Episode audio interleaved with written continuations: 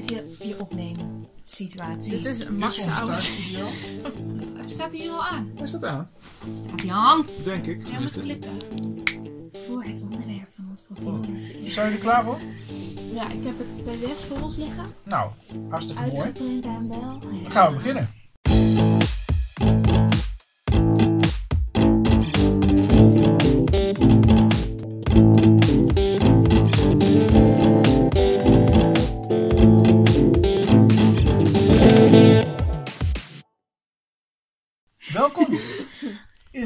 Podcast, Geens. De Geens vierde podcast. aflevering. De vierde alweer. Ongelooflijk. Het gaat Jezus. snel, de tijd. Mag ik schelden? Wat zeg Ja, je? je mag schelden. Je mag lukken wat je wil. Ehm, Toch? Roos Huisman, welkom in Hi. onze studio. Hallo. Bij onze podcast. Dank je voor het eh, aanbod. We zijn hier met Jouwert en, En Aukje. En Roos. en Roos. En we gaan het vandaag hebben over welzijn onder druk. Oftewel ons eh, PWS. profielwerkstuk. De titel van onze PWS. Ja. We hebben het al een keer aangekondigd. Vorige keer. En in de Ja. eerste aflevering hebben we het ook gehad over. Mijn Het profielwerkstuk. Maar meer in het algemeen. Mhm. In de En school de, en druk en- die je Ja. En nu is het zover. Vorige week ingeleverd. En hel, ja. Hoe voelde het om het gewoon in te leveren, gebonden en wel, bij jullie docent Nederlands? Niet bij onze. Ik was er niet eens bij. Nee, ik Oh. heb het gewoon in het deed het studiehuis officieel. Weet je wel. Dat... Daar is het inleverbewijs. Hoe voelde het? Eh, nou, het was heel fijn toen het bij de drukker klaar was. En het is echt zo'n zo'n lekker dik boek, weet je wel, Ja. wat je door kan bladeren. En dat is heel mooi. En we mochten kiezen wat, hoe we het gebonden wilden. Maar ik had wel het gevoel dat andere groepjes iets meer zo waren van... Oh, nu is het klaar, nu zijn we er helemaal vanaf. Ja, de, de ontstressfactor was bij ons minder groot dan bij andere mensen. Die Vooral omdat we het dan best twee uur op orde hadden. en zo. Ja. Maar ook wel omdat we ehm, nu nog meer dingen aan moeten doen. Want we zijn dus nu Ja. bezig met een stuk dat we willen insturen naar een krant in Nederland. We hebben het al ingestuurd naar de NRC, nog geen reactie. Dan gaan we naar andere kranten proberen. En allemaal van dat soort dingen zijn we nog even mee bezig. Dus daardoor is het nog niet helemaal afgerond, zeg maar. Het is meer een De er stress is wel proces. grotendeels weg, Ja. maar nog niet helemaal. Oké. En er is nog een presentatie. Nou, Ja, Ik de vind het presentatie is dinsdag. dus dat is dinsdag, dat, daar gaan we, ik ga daar natuurlijk naartoe, maar ik kan de luisteraars niet meenemen. Jammer genoeg. Dus Nou, je kunt het vandaar opnemen. dat we vandaag een, eh, voorproefje gaan doen op, op dinsdag, op de presentatie. En Mhm. nou, ik zou jullie eigenlijk willen vragen, geef eventjes in een minuut Oh god. een samenvatting van de conclusie van jullie profielwerkstuk. Het heet Welzijn onder druk. Wat is jullie boodschap? Nou, Roos, het klinkt alsof jij het heel graag wil doen. Uh, voor, voor één minuut. Ehm, het welzijn in Nederland is te laag als we kijken naar hoe rijk we zijn. En eh, daar moeten we met z'n allen iets aan gaan doen. Vooral burgers, want politiek is irritant. En de bedrijven die willen alleen maar geld. Ehm, dus we moeten het zelf doen. Ehm, en wil je ook nog weten hoe we het moeten doen? Nou, daar Ja. komen we misschien zo nog Oké, wel even op. komen we zo dan. Nou, wat minder, was een halve minuut. Dat is minder dan een halve minuut, ja. Dus jullie zeggen, het welzijn staat onder druk. Want eigenlijk als je kijkt naar hoeveel Mhm. geld we in Nederland hebben, dan zou je verwachten dat we gelukkiger zijn. Mhm. Mhm. Of in ieder geval niet, niet per se gelukkiger. Want eh, wel heel veel cijfers zeggen dat Nederlanders heel gelukkig zijn. Maar wel dat er minder negatieve factoren zijn. Maar s- ja, wel, cijfers over geluk zijn best wel ingewikkeld. Maar wat we wel heel erg hebben gezien elke keer in ons onderzoek, want we hebben dus het welzijn van, van de millennial in ons PWS onderzocht. En daarin zagen we heel veel eh, ehm, groei in stress en in prestatiedruk terugkomen eh, ten opzichte van 50 jaar geleden. Want we hebben het vergeleken met de babyboomers. En ehm, ja, dat dus heel erg, eh, wat we dan zagen, was het heel erg die flexibilisering van de arbeidsmarkt en heel erg dingen in, in, eh, bij studenten en zo. Mhm. Dat heel veel de, de, de soort van stress en druk van tegenwoordig, dat die heel erg slecht is voor het welzijn. Ja. Dus dat kun je wel zeggen, dat, dat die negatieve factoren er wel voor zorgen dat we met z'n allen toch wel minder, minder gelukkig zijn dan, dan we zouden kunnen En zijn. dat zie je niet echt terug in de, eh, in de gelukscijfers die je wel, die de EU en wie dan ook, de VN of Mhm. whatever, die dat, die dat allemaal eh, maken. Omdat mensen heel vaak niet, als je vraagt van oh, hoe gelukkig ben je en zo, dan wil je nog wel eens vergeten dat er eigenlijk best wel veel dingen niet goed zijn. En dan ga je jezelf vergelijken met mensen in derde wereldlanden die het allemaal verschrikkelijk hebben. En dan geef je je leven opeens een 8. Mhm. Dus in al die grote gelukscijfers zien het niet zo terug. Want dan staat Nederland eigenlijk relatief hoog. Maar als je meer inzoomt, dan kom je erachter dat er wel heel veel... Maar dat was ook wel lastig, dat we zeg maar die cijfers hadden en dat we toen daarmee moesten van ja, eh, is het nou niet eigenlijk gewoon tegenbewijs voor wat wij nu stellen? Mhm. Maar dat is ook wat we in ons profielvraagstuk heel veel hebben gedaan, is conclusies die we trekken daarna nog een keer kritisch bekijken en ook op een filosofische manier eh, benaderen en vanuit andere hoeken bekijken. En bijvoorbeeld ook voor wat Roos zei, hadden we dus ook inderdaad cognitieve dissonantie als misschien een oorzaak waardoor mensen hun cijfer, hun leven Moet je hoog cijfer even, even uitleggen, wat bedoel je met cognitieve dissonantie? Eh, dat betekent. Nou ja, dus eigenlijk eh, wat ik zei, dat als je gevraagd wordt hoe gelukkig ben je, dat je eh, een hoger getal geeft dan dat je eigenlijk bent, omdat je op dat moment niet. Dat Ja, je gewoon- op dat moment wel gaat relativeren en niet denkt aan alle. Je loopt even op straat en je komt de buurvrouw tegen of iemand anders die je niet zo heel, heel erg intensief kent en je bent van hé, hey, hoe gaat het ermee? Ja, heel goed, weet je wel, de zon schijnt. Dat is cognitieve dissonantie? Nou, co- cognitieve dissonantie is eigenlijk veel algemener, namelijk dat je twee ideeën tegelijk hebt die recht tegen elkaar ingaan. En in dit geval is dat dus het idee, ik geef mijn cijfer een 8 en het idee, Ja. eigenlijk heb ik superveel stress en Ja. word, ik, word ik niet gelukkig. Want het is heel raar, wij zijn het vijfde gelukkigste land in de wereld. Ja, maar tegelijkertijd heb- voelen mensen zich ook onzeker over de toekomst. Ja, heel Hè? onzeker. Ze Heel zeggen, negatief. het gaat eigenlijk, ze, weten niet of het wel beter zal gaan, eerder slechter. Ja, interessant. Ehm, wat ik nog me afvroeg. Jullie hebben een economisch onderwerp gekozen. Ja, Hoe zijn jullie op dit onderwerp gekomen? Hoe kwamen we eerst, erbij? Eerst wilden we ehm, een super groot onderzoek doen naar, ehm, naar, hoe, naar wat de beste samenleving was. En dan gewoon De ideale samenleving. onze Ja. utopie opstellen aan de hand van alle samenlevingen die er ooit ongeveer in de geschiedenis geweest zijn. wilden we gewoon Ja, een nou, beetje dat vind ik- onderzoeken ik naar vind- verschillende... Ik vind, ik vind het niet zo heel erg ambitieus. Dus het is wel goed dat jullie een ambitieuzer plan hebben genomen. Nee, we hebben nu natuurlijk nog steeds een heel erg breed onderwerp, maar we hebben het proberen in te perken. En wat onze aanleiding eigenlijk heel erg was, was dat we dat je best wel in het nieuws hoort van oh, iedereen heeft burn-outs. Oh, we hebben allemaal heel veel druk. Oh, het is echt het is heel, heel moeilijk allemaal. En dat wilden we eigenlijk concreet gaan onderzoeken van is dat echt zo? En maar waardoor komt dat dan ook? En waardoor krijgen we al die druk? Mhm. En dat is ook er uiteindelijk naartoe hebben gedaan. Ja, want Ja. het was uiteindelijk ook veel interessanter om een meer persoonlijk Ja. iets te doen, waar, Maar- we ook veel meer van onze eigen input. Maar het gaat dus ook het gaat heel veel ook over economie. Mhm. zeg maar, want het gaat heel erg veel over eh, geld en, en onze groei in het BBP en zo. Bruto Nationaal Product.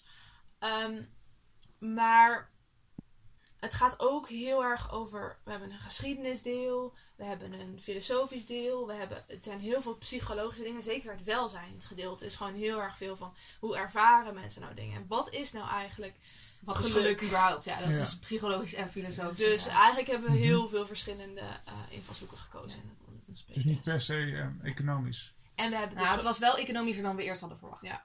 zeker omdat we allebei geen economie hebben. En Nou ook ja, niet echt economie Ik heb natuurlijk doen, jullie profielwerkstuk gelezen. Ik vond het beren interessant. Ik vond het ook ontzettend goed geschreven. Vooral ook omdat jullie, wat je net zei, allerlei kanten steeds opnieuw benaderen. En nou, jezelf vragen.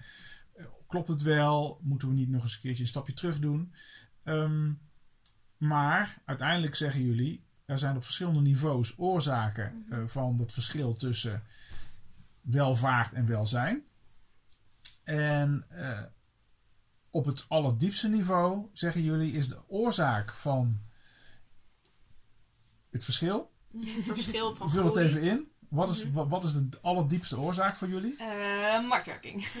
Ja, de grote rol van de marktwerking Ja. in onze samenleving. Leg dat eens even uit, want hoe, waarom marktwerking is toch hartstikke goed? Marktwerking zorgt er toch voor dat mensen met elkaar in competitie gaan, Mhm. eh, het beste uit zichzelf halen, concurreren. Er zijn bedoel, heel veel-. Waarom? Er zijn heel veel positieve factoren aan marktwerking. Maar dat horen we ook de hele tijd van. Dat is het, het ding waar we allemaal van uitgaan. Dat, dat is ook, we hebben het nu, zijn we ook heel erg bezig, omdat we nu ook een stuk gaan schrijven voor een eh, economiegroep. ehm, die, die bezig zijn is met de inhoud van bachelor's Ja. economie. Ehm, maar in, in economiestudies en dus ook eigenlijk de rest van Nederland indirect leren, ze, leren we heel veel gewoon de neoclassieke stroming. Dat is heel erg van concurrentie is goed voor de economie en daardoor groeit de economie en dat is het doel wat we moeten nastreven. Daar Ja, worden dat we heb ik ook van. geleerd in mijn studie Precies, en eh, ja, op precies. mijn middelbare school. Dus ho- hoezo niet dan? Ehm, nou, het is, het is altijd wel zo geweest van, eh, van als je rijker bent, ben je ook gelukkiger. Dat is ook heel logisch, want, eh, want 100 jaar geleden hadden we nog niet, gewoon de, voorzien, nog niet de basisvoorzieningen op orde. En daarom, daarom, als je iets rijker werd, werd je ook automatisch iets gelukkiger. Maar we hebben nu zoveel basisvoorzieningen en we, zij hebben eigenlijk zo'n hoog niveau van welvaart. Dat heel veel van die factoren waardoor, ehm, waardoor het altijd positief is geweest, dat die nu een beetje omgeslagen zijn. Dus Mhm. dat die ehm, negatieve Ja. factoren meer naar voren komen. En dat zie je dus heel erg in dat bedrijven en maar ook individuen steeds meer, nog steeds meer willen verdienen. Dus Mhm. bedrijven willen steeds meer winst. En daardoor krijg je natuurlijk allemaal van die dingen dat ze het afwentelen op het milieu. Dat het heel slecht gaat met ontwikkelingslanden. Al die dingen zoals sweatshops en al die dingen. Maar ook in Nederland, de flexibilisering is voor bedrijven veel handiger. Omdat ze dan ehm, f- f- flexibele krachten makkelijker kunnen inzetten. En eigenlijk is het helemaal niet goed bekeken vanuit zeg maar, het opzicht van de werknemer. Veel meer vanuit een winstperspectief. Mhm. Dus dat is heel erg waar de marktwerking naartoe drijft. Van, van allemaal die flexibilisering en andere dingen. Ik kan wel eventjes alle oorzaken erbij pakken die we hebben. Maar ik kan. Ja. heel veel mijn favoriete voorbeeld van Keynes doen. Ja, doe maar. Ja, Keynes die was ehm, in 1930, dus eigenlijk tijdens de Grote Depressie, ehm, zei die van eh, kapitalisme is wel een heel erg goed systeem en het gaat ons wel heel erg veel ehm, welvaart brengen. En hij voorspelde ook hoe rijk we zouden zijn over 100 jaar. Dus dat is nu over 10 jaar, dat is twee- eh, Mhm, 2030. En we zijn zelfs nog rijker dan dat eh, hij voorspeld had. Maar hij voorspelde ook dat we nu nog maar ehm, werkweken van 15 uur zouden hebben. Omdat we zo rijk zouden zijn dat we gewoon niet meer zoveel hoefden te werken als vroeger. Maar we zien juist dat we eigenlijk nog meer werken dan vroeger. En dat vooral de hogere klassen ehm, nog veel meer werken. Want vroeger Ja. was voor de hogere klasse was minder werken nog wel een beetje een statusding. Mhm. Dat je lui kon zijn. En nu zijn we allemaal echt Maar nu zijn we allemaal zo hard. eh, Juist ook de hogere klassen zijn nog harder aan het werken. En alle studenten die alleen maar al het beste uit zichzelf willen halen de hele tijd. En dat ook moeten om een baan te kunnen krijgen. En zo. Maar zeggen jullie nou dat marktwerking, neoliberalisme, hè, Mhm. het vrije marktdenken, altijd slecht is? nee. Helemaal niet. Want ik, eh, toen moeten ik het ook zo niet- las, dan dacht ik wel een beetje, goh, eh, jullie zijn wel ontzettende marxisten. Ja, we hebben het geprobeerd, zeg maar, een beetje Op welke te manier kijk je, dan, kijk je dan naar het communisme bijvoorbeeld? Nou, daar hebben we, waar, Hebben hebben we we ergens terug eh, laten komen. Dat wij zelf heel erg ook eh, de vraag hadden van... Moeten we dan terug naar een ander soort systeem? Echt maar een, heel, een hele paradigmaverschuiving. Helemaal misschien Ja. naar het communisme toe. Of een andere, andere variant Gaat het ons helpen om helemaal van de, de kapitalisme We hebben dat toen voorgelegd aan Irene van Staveren, een ontwikkelingseconoom die we hebben geïnterviewd. En ehm, zij zei van, nee, we kunnen niet terug naar het communisme, omdat communisme was gewoon sowieso een stroming die niet werkte, omdat het alleen maar kon bestaan in een dictatuur. Er kon alleen maar één partij zijn. Dus als je democratie wil behouden, en ik denk dat dat wel voor ons een hele belangrijke waarde is, dan kun je niet een systeem zoals communisme, zoals iedereen eh, heeft dezelfde ehm, goederen en alles is van de staat, dat kun je niet zeg maar in praktijk brengen. Maar ik denk dat wij allebei wel heel erg voorstander zijn van iets meer linksere ehm, richting in onze Hm. politiek en ook meer overheidsingrijpen. Dus dan ga je toch wel iets meer richting zo'n soort ideaal. Maar het, is meer, het, is, het gaat heel erg over de balans. En dat Ja. klinkt heel stom, van balans is het antwoord van heel veel mensen. Maar het is het, de, de, mar, de macht van de markt is gewoon nu te groot. Je zou zeggen eigenlijk op het, op het eerste niveau, op het, het onderliggende niveau, daar, eh, nou ja, daar is de marktwerking en neoliberalisme is te sterk. En dat heeft een aantal eh, gevolgen. Ja. We En wat- hebben heel zijn- net ook al flexibilisering. Zullen we even de, de, de niveaus uitleggen dan? Ehm, we hebben het zeg maar opgedeeld in vier niveaus van Mhm. oorzaak en gevolg. En eh, niveau 4 staat dan zeg maar. ehm, Helemaal- niveau, niveau 1 is eigenlijk Ja, zeg maar eh, het de achteruitgang van Ja. het welzijn. Of eigenlijk het, het, het verschil in groei tussen welvaart en Mhm. welzijn. Daar waar, wat je dus eigenlijk ziet. Ja. En ehm, niveau 2 zijn zeg maar de concrete oorzaken die daaraan bijdragen. Zoals dat mensen heel veel stress hebben. Zodat, zoals dat mensen eh, onrechtvaardige gevoelens hebben over onze samenleving nu. Werkdruk, prestatiedruk, Angst. faalangst, eenzaamheid. Mhm. Dat is allemaal heel psych- psychologisch. eh, En eh, Oorzaken. niveau 3 staat daar dan boven. En dat zijn de concrete dingen die je kunt zien eh, in onze samenleving nu. Ontwikkelingen zoals ehm, inkomensongelijkheid, vermogensongelijkheid. En dat heeft natuurlijk heel erg te maken met die, die groei van het kapitaal. Terwijl eigenlijk de mensen die werken niet zo heel erg groeien. En maar ook achteruitgang van het milieu, waardoor mensen dus op niveau 2 angst hebben voor de toekomst. Ja. En ehm, ja, van alles en nog wat. Dus Druk om te presteren, flexibilisering, veelzijdig moeten zijn, constant aan het werk moeten zijn. Ja, dus al die, dingen dragen, al die dingen dragen dan weer bij aan die psychologische oorzaken. En die psychologische oorzaken zijn dan weer de reden dat het wel Ja. hun achterblijft. Ja, en wat dus boven niveau 3 staat, dat is dus de grote macht van de markt. Gewoon de grote rol van de marktwerking in ons systeem. En we zeggen ook zelf niet dat, ehm, dat alle dingen die we in niveau 3 gevonden hebben te verklaren zijn met de marktwerking. Er zijn er echt wel bijvoorbeeld eh, digitalisering heeft ook een hele Ja, grote en invloed gehad. globalisering En globalisering heeft ook een hele grote invloed gehad. Maar we hebben wel eh, marktwerking eigenlijk uitgekozen als voor onze En het zijn vaak ook heel erg samenkomsten van die dingen. Want omdat we met de hele wereld kunnen handelen, is, is die macht van, van bedrijven Ja. tegenwoordig zo groot. Mhm. Maar dat komt ook omdat we allemaal die marktwerking hebben in alle. Ja, natuurlijk de vrije eh, de handelsorganisatie WTO is natuurlijk puur een neoliberaal Mhm, eh, uitvinding. Hè? Dus Ja. markt, inderdaad, globalisering is, is iets wat bij de, de vrije markt hoort. En- hey, maar ehm, even één één ding wat ik ook wel van anderen hoor is, ja, millennials die leggen zichzelf ook die druk op.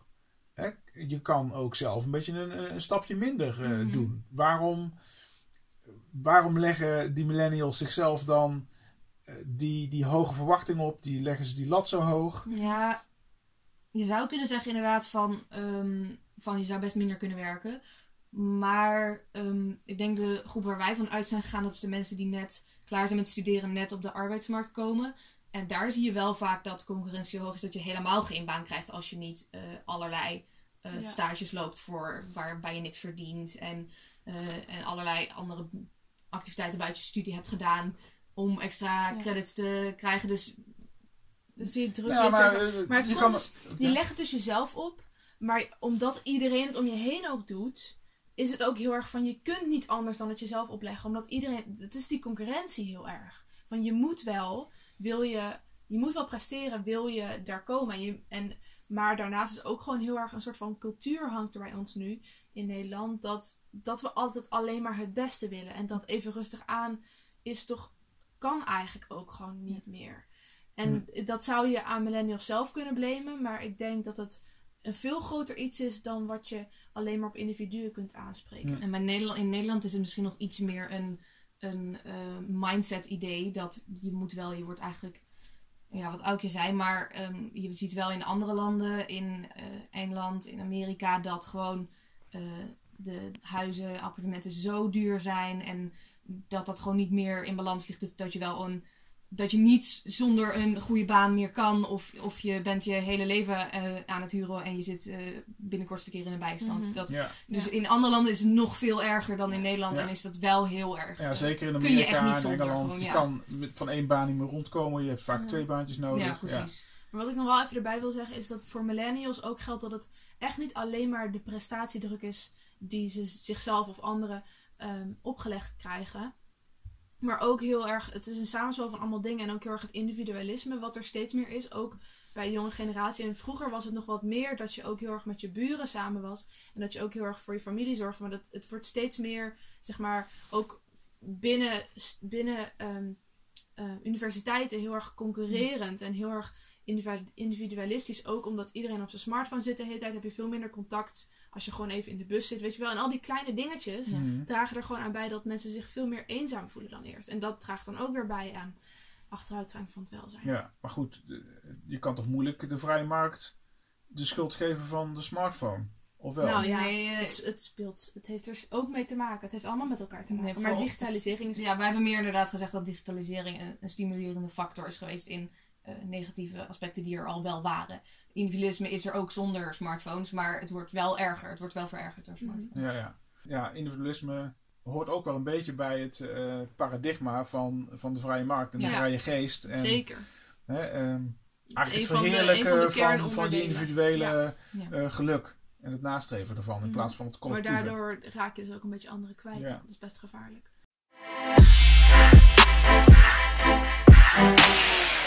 Hé, maar wat is jullie oplossing? Wat, is, wat stellen jullie dan voor? Waar, waar komen jullie mee? Want het is, even. Ja, het is allemaal wel leuk om te zeggen van... eh, je buren nou, eh, en je familie inderdaad zijn dan wat je het meest verliest en wat de burger ook, eh, datgene waar de burger het meeste macht over is, heeft, is wat hij buiten zijn baan doet.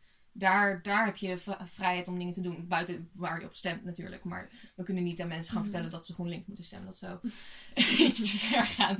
Ehm, dus, eh, en wij zeggen dan de tijd die je overhoudt buiten je baan. En dan het liefst als je ook nog iets minder gaat merken, eh, werken, heb je twee vliegen in één klap. Ehm, kun je dan gaan besteden aan dat samen weer terugbrengen. Dus eh, wel een kopje soep brengen aan je buurvrouw als, je, als ze ziek is. Of, en wel meedoen aan buurtinitiatieven. En een heel mooi voorbeeld vond ik ook dorpen in Friesland en Groningen die, waarin burgers gewoon samen beslissen om geld bij elkaar te leggen om een windmolen aan te schaffen voor het hele dorp. eh, waardoor heel veel gezinnen loskomen van de eh, energiemarkt. Ehm, en dan Mhm. heb je ook weer het aspect erin dat, eh, dat als je meer samen gaat doen en meer op klein niveau, dat je heel erg loskomt van de markt en daarom ook Mhm. niet meer afhankelijk bent van allerlei fluctuerende eh, ja, dingen waar je geen macht over hebt en alleen maar onzeker en ongelukkig Mhm. wordt. Dus ja, voor ons is de oplossing eh, lokaler en met elkaar weer dingen opbouwen. En dat hebben we dus ook gedaan omdat we dus denken dat de overheid op dit moment dat het heel moeilijk is om daar nu dingen in te gaan veranderen. Want er is wel een langzame beweging richting misschien een meer linkser, meer over in, overheidsingrijpen ehm, gebeuren.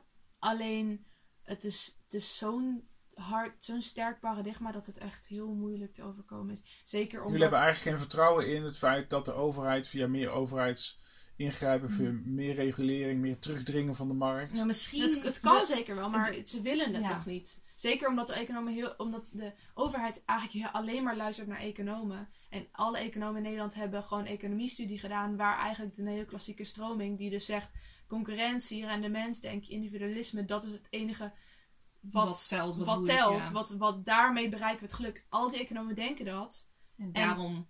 Irene van Staveren gaf ook aan ons Maar aan. jullie zijn gewoon eh VWO 6 eh, leerlingetjes. En dan gaan jullie zeggen dat alle economen van de wereld en Nee, van niet Nederland alle slecht zijn. economen. En Wel gewoon- de- en het wel Ik wilde, net 50%, nuance- ja. ja. ik wilde net nuanceren dat het minder dan 10% is en dat het, dat het eh, aan het krimpen is, die groep. Dat zei Irene ook. En we hebben net nog bronnen bekeken van, een, ehm, van dus ook die Rethinking Economics. Een eh, organisatie die heel erg bezig is met juist dat probleem aankaarten van die, van die economie, dat economieonderwijs, waar dus eigenlijk iets mis is, waar niet kritisch genoeg wordt gekeken van oké, wat is nou de situatie en ook hoe kunnen we het toepassen op de realiteit. Want heel veel ehm, dingen van de neoclassieke stroming zijn heel erg gebaseerd op een soort van modellen. En Ja. dat heeft Roos ook nog onderzocht in ons, in ons PBS, dat het heel erg moeilijk is om dat met de, waar, met de Ja, werkelijkheid te ehm, vergelijken. model is een versimpelde versie van de waarheid. En om het dan toe te Ja. passen op de samenleving Ja. gaat eigenlijk nooit precies zo uitpakken als je dat wil. In elk geval, wat ik aan het zeggen was, is dus dat zij daarmee bezig zijn. En, en, maar het is best wel. Het, het, is, het is een economiestudie gewoon best wel vast zo. En het gaat niet. het Ja. gaat niet het binnen gaat de komende heel tien langzaam jaar. pas ja. veranderen. En dat is heel lastig, want we merken dat steeds meer mensen heel erg die stress voelen en heel erg die prestatiedruk voelen. En het is bij ons ook al in de bovenbouw van het VWO. En wij zijn ook die mensen die volgend, Mhm. volgend jaar gaan studeren en, en over een paar jaar gaan werken. En we voelen heel erg dat dat niet gaat veranderen. Ja. Als we er niet nu iets aan gaan doen. En dan zeggen jullie, wacht niet op de overheid, Ja. maar doe zelf als inwoner, als burger, eigenlijk die stap Ja. richting het samen Want- dingen doen. Dus doe Ja. meer mee aan buurtinitiatieven, doe meer mee aan lokale economie. Zet een eh, lokale munteenheid op, eh, start een repair café. Eh, Al die dingen waar jij eigenlijk ook heel erg mee bezig bent. nou, Eh, want Ja. het is niet... ja. Ja, goed, op zich, ik, ik herken me daar enorm in, omdat Ja. ik ook wel het gevoel heb dat wat wij zelf zien in ons werk bij Spectrum.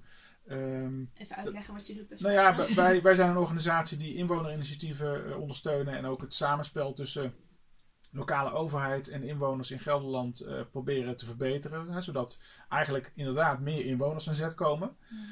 En je ziet dat er enorm veel ehm, gebeurt. Ik bedoel, er zijn ontzettend veel initi- in- initiatieven. Eigenlijk in ieder dorp, in iedere stad eh, zijn er gewoon inwoners die zelf het, nou ja, het heft in eigen hand nemen. Eh, of het nou gaat om inderdaad een repaircafé of een buurthuis of een lokale munt of een eh, innovatiepunt eh, bij je, of het, het ondersteunen van ehm, statushouders of wat dan ook. En dat de overheid daar best wel moeite mee heeft om dat bij te benen. En ook om te kijken van hoe kunnen we dat ondersteunen in plaats van alleen maar met regels verbinden. Ehm, nou ja, het spreekt mij wel aan. Maar ik heb ook wel mijn vraagtekens. Want jullie zeggen bijvoorbeeld, ga eens gewoon minder werken. Als je meer dan gemiddeld verdient in Nederland, ga gewoon minder werken. Dan, eh, dan heb je meer tijd om eh, te doen Waar het echt om gaat. waar het echt om gaat. Ehm, wie moet dat betalen? Nou ja, je zei, ik weet niet waarom je daar een vraagtekens bij hebt, want je zei laatst nog dat je zelf ook minder wilde gaan werken. maar wij hebben het, eh, we hebben het in onze filosofische onderbreking ook heel erg over dus geluk en een onderzoek wat Troos ook met een of ander filosofie-essay toen heeft, heeft behandeld, dat het bewezen is dat je niet gelukkiger wordt, niet heel veel gelukkiger wordt als je zeg maar over een, een bepaald Zal ik even de cijfers droppen? Ja. Ehm, daar was een onderzoek eh, naar verschil- verschillende inkomens en hoe gelukkig mensen zijn. En ze hadden eh, gezien dat mensen met een hoog inkomen, als die eh, aangeboden werd dat ze een nog hoger inkomen zouden krijgen. En werd gevraagd, oké, hoeveel gelukkiger denk je dat je hiervan wordt? Ehm, dat ze eigenlijk eh, zeiden, we worden hier nauwelijks eh, gelukkiger van, wat heel erg klopte. Maar mensen met een net ondergemiddeld of gemiddeld eh, inkomen, als hen een verhoging aangeboden werd en dan gevraagd werd, oké, hoe, hoeveel gelukkiger denk je dat je hiervan gaat worden? Ehm, dat ze echt dubbel zo, dat ze dachten dat ze dubbel zo gelukkig zouden worden. Terwijl eigenlijk blijkt dat met, die, met die verhoging eh, dat je maar 7% eh gelukkiger wordt. Dus dat verschil, hoe geluk, hoeveel gelukkiger je wordt van een eh, loonsverhoging is eh, niet heel veel gelukkiger. Maar mensen hebben heel, vooral mensen die dus rond het gemiddeld inkomen zitten, hebben een heel hoge verwachting daarvan. Maar wat je Hoeveel dus, euro was het ook alweer? 25 Gezinsinkomen. eh 25.000 naar 50.000. eh die mensen dachten dat ze dan dat ze van zo 50.000 geluk- dubbel, dubbel zo gelukkig zouden worden. Terwijl dat verschil 7%, 7% is. Ja. Nou ja, al eerder zeiden jullie dat het- meten van geluk wel ingewikkeld is. Hè? Dus Mhm. daar kan je natuurlijk ook je vraagtekens bij stellen. Maar eh, dan vraag ik me ook af, kijk, wat gebeurt er nou als alle mensen minder gaan werken? Ten eerste gaat dan het gemiddelde inkomen omlaag. Mhm. Hè? Eh, dus eh, ja, dan heb je misschien wel weer meer nodig om, om gelukkiger te worden. Ik, ik weet niet precies wat er dan zou... Maar en met de tweede, storten we niet heel Nederland en de wereld in Nee. een enorme economische crisis Nee. als iedereen minder gaat werken? Minder Eh, productie, Nee, dat is dus niet zo. minder, ze gaan er minder uitgeven, ze gaan minder kopen. Er is ook een onderzoek geweest naar dat eh, wanneer je inderdaad die werkweken van Keynes van 15 uur in zou stellen, dat, eh, de- wat was het, dat er met een ehm, arbeidsduurvermindering van eh 50%, een arbeidsproductievermindering van 10% of zo is. Dus dat is niet recht evenredig. Het punt is dat zoveel mensen zijn nu ook gewoon al best wel in hun werk bezig met gestrest zijn en daardoor minder productief. Mhm. Dat dat ook al heel erg meespeelt. Maar het is natuurlijk ook de vraag van waarom willen we eigenlijk de hele tijd dat ons BBP blijft groeien? Waarom waarom is dat bruto nodig? Zijn we niet eigenlijk al echt stinkend rijk? Ja. Ja. En als, Tuurlijk als zijn er heel veel ja. mensen in Nederland die nog niet zo rijk zijn als die allerrijkste klas. En dat is ook eh, iets wat we heel erg hebben aangekaart. Van weet je, die inkomens- en vermogensongelijkheid, dat is echt heel erg een ding. En we zouden het echt rechter kunnen trekken, waardoor het veel eerlijker zou kunnen zijn. Maar over het algemeen zou je wel kunnen zeggen van... We hoeven niet harder. We hoeven niet meer. Maar goed, het rechts gaat- Nederlands, Daar worden we eh, niet blijer van. Rechts Nederland zegt, eh, ja, minder werken. Nee, als we meer inkomensgelijkheid willen hebben, dan zullen we meer moeten gaan werken, want dan moeten we allemaal gaan opbrengen. Dan moeten de rijken meer belasting betalen, dus die moeten dan om hun inkomen te behouden wat ze willen afdragen aan armeren, dat eh, moet, moet omhoog, dus productiviteit zal omhoog moeten. En jullie zeggen eigenlijk, nee, let nou niet op dat geld, let op geluk. Werk wat minder, trek het inkomen gelijk. Nou ja, ik denk dat je best op geld mag letten. Maar dan mogen de rijkste inkomens en de hoogste vermogens best iets meer belasting krijgen. Maar geloven jullie helemaal in geen enkele economische theorie? Want ik bedoel, ik heb geleerd hè, in mijn, mijn middelbare schooltijd bij economie. ehm, een bruto binnenlands product wordt berekend door eh, consumptie, hè, eh, productiecijfers, vraag. Import, export, dan. En- ja. Op het moment dat mensen dus minder inkomen hebben, dus de consumptie gaat omlaag, dan, eh, ja, dan heb je een probleem in je economie. Dan Maar waarom gaat de consumptie omlaag? Omdat je de markt niet meer nodig hebt om je dingen te geven. Omdat je je groenten lokaal kan verbouwen en je energie van je gezamenlijke eh Oké, windmolen kan krijgen. Hm. Dat is een hele elegante oplossing, zou ik zeggen. Ja. Maar ja, ik Maar denk goed, dat dan het kan ik misschien geen nieuwe eh, telefoon meer kopen. geen mooie nieuwe... Nee, nieuwe niet fijne Apple-telefoon die na twee niet- jaar stuk gaat. Ja, Omdat dat ook allemaal niet marketing is. eh, ja. elk anderhalf jaar een nieuwe telefoon. Nee. Fairphone. Maar ik denk, ja, ik, wij zijn natuurlijk ook niet eh, de experts en we weten er ook niet alles van. En het is allemaal veel ingewikkelder dan we nu zo makkelijk zeggen. Maar ik denk vooral ook dat we niet zo bang moeten zijn om dingen los te laten. Want we hebben ook weer heel erg gezien dat de economie helemaal niet te voorspellen is. En dat je helemaal niet kunt zeggen hoe het ervoor zal staan als we Mhm. nu een beleidsverandering doen. Of als we als burgers beslissen om met z'n allen in beweging te komen. Ja. Omdat het, ja, Irene van Staven zei dat ook. je kunt de economie eigenlijk helemaal niet zo goed voorspellen. Nee. dat en denken de, economen zijn er ook heel erg slecht in, hè? Ja, dat Ja. denken ze heel erg dat ze goed kunnen voorspellen. Nee, Maar eigenlijk, is het helemaal niet eigenlijk zo. voorspellen ze niks. En ook Hey, nog, twee, nog twee vragen. Ehm, allereerst, waar- waarom is het belangrijk voor scholieren? En hoe zouden scholieren dit eigenlijk tijdens hun scholierenloopbaan eh, mee moeten krijgen? eh, Ons- voor ons scholieren is het belangrijk omdat het Ja. onze toekomst is. Ja. En omdat scholieren over eh 1 tot 6 jaar ook, eh, als je in de eerste zit, ook eh, gaan studeren en ook eh, eh, dat gaan leven, die stress Mhm. en die eh, druk en alles wat erbij komt. Ehm, en wat was je tweede vraag? Hoe Nou ja, moeten hoe- ze het gaan doen? Ja. Ja. doe, kijk vanuit verschillende perspectieven naar als je economie hebt. Geloof niet eh, wat, je, wat je docenten zeggen. Nee. Geloof wel wat je docenten zeggen, maar eh, probeer iets breder te denken. Ik, en probeer altijd gewoon buiten de kaders die je ouders je meegeven en die je vakken Ja. je meegeven en die Vooral wees meegeven. Ja. Maar voor scholieren is het natuurlijk nog heel moeilijk, omdat we vooral, zeker in de onderbouw, ben je nog zo breed bezig dat je ook nog niet zo concreet. Maar je kunt natuurlijk wel in je eigen, eh, als je dit belangrijk vindt, ervoor kiezen om in je eigen vrije tijd ook meer bij te dragen aan de community. Want ik merk wel heel erg dat het bij jonge mensen tegenwoordig is het gewoon echt niet cool om dingen met je buren te doen. Nee. nee, maar als ik aan jou vraag van ga je mee eh, hier iets Nee, doen in de, dan ook geen in de wijk, heb je Maar ook geen zin in. ook niet. En dan kom je zelf in je profielwerkstuk kom je met een oplossing van doe meer in je buurt. Ja, maar ik denk dat het, ja. Dus je- hoe kunnen we je- daarvoor zorgen? Je moet er, je, het punt is dat we er allemaal bewust van moeten worden. En ik denk dat dat heel erg is wat wij nu ook proberen te doen. En dat, daarom willen we ook graag onze boodschap wat meer Nederland in. Ja, want wat zijn jullie van plan eh, met dit idee? Op de achtergrond horen we volgens mij de, de wasmachine draaien. Dus het is dus een studio, eh thuisstudio. ja, lekker huiselijk. Ja, lekker huiselijk. Ja, Roos, wat is Eh, plan? Wat is was jullie plan? plan? Ja, we hebben De heel veel plannen. barricades op, de, de zwarte vlag uithangen. Allereerst het eh, even belangrijke deel, minstens van ons profielwerk. Ik heb het nog niet eens behandeld. En dat is namelijk dat we ook onderzoek hebben gedaan naar het schrijven van manifesten. Politieke manifesten. Denk je natuurlijk meteen naar Karl Marx. Maar ook gewoon, ehm, we hebben onderzoek gedaan naar, naar dat soort teksten. Maar Taalgebruik, inhoud, structuur, wat voor manifesten zijn er geschreven, hoe waren het, hoe zaten Ja, die in elkaar, wat was daar sterk aan, wat, wat willen wij verder in de geschiedenis dan Ja. eigenlijk... Tegenwoordig worden niet zo heel veel manifesten meer geschreven. Dat is echt van Alleen, een andere tijd eigenlijk. alleen door zeg maar Google die dan wil verklaren hoe goed hun privacy is. Oké.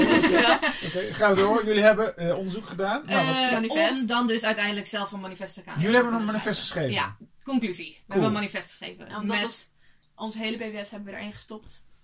en eh, we Een hebben nu manifest? dus... Met een boodschap. we Van vijf het was- punten? Het eerst 20, 20 punten. punten. En Het was 20 eerst twee pagina's. Nu is het alweer samengevat tot één pagina. Dus we, Ja, het is heel lastig. mega hebben- compact. We hebben nu allemaal verschillende varianten. Want we hebben er één die eigenlijk het volledigst is. Met 20 punten. En die heeft best wel veel woorden. En die zijn we nu ook op Twitter aan het publiceren. En- En losse statements. Twitter.com slash Roos en Aukje.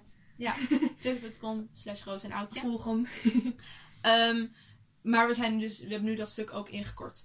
Om eh, in kranten te publiceren. Want die hebben allemaal maximaal aantekeningen. Oké, dus we, we hopen dat jullie binnenkort in de krant Ja, staan. heel We hebben hem naar de NRC opgestuurd. Die, eh, als die hem niet gaan doen, dan sturen we hem naar de Volkskrant en naar de Trouw. Op volgorde van de meeste Ja. aantal woorden. En we hebben hem nu ook, dus we zijn nu ook in contact met diezelfde Rethink Economics mensen die het eh, hebben. En Gozer heeft het daarvan gelezen, die was, vond, was ook helemaal fan van natuurlijk.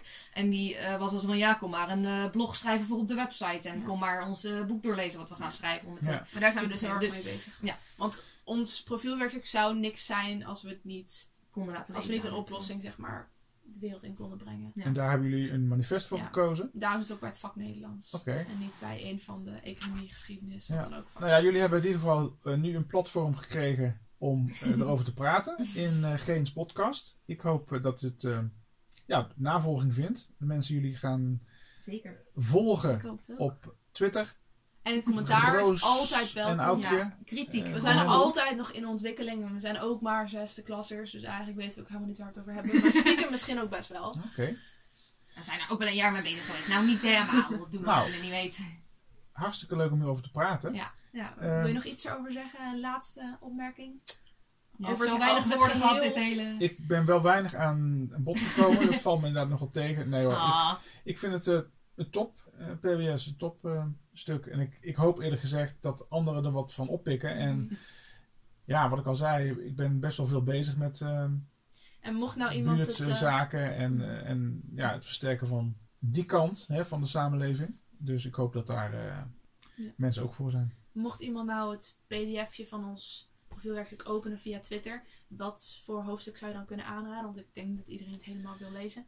Nou, voor Wat mij, beviel jou het beste? voor mij beviel het eh, hoofdstuk eh, over de filosofische, of de paragraaf over de filosofische, het hoofdstuk 2, paragraaf 4 of 5? 4, Ja. denk ik. hoe noemen jullie het ook alweer? De filosofische. Filosofische Filosofische onderbreking. Hoofdstuk Paragraaf 2, paragraaf 4. Die beviel me heel erg omdat Ja. jullie daar ook aangeven hoe ingewikkeld het eigenlijk is om zo'n co- conclusie te trekken. En daar werd voor mij het hele stuk nog een stuk volwassener door.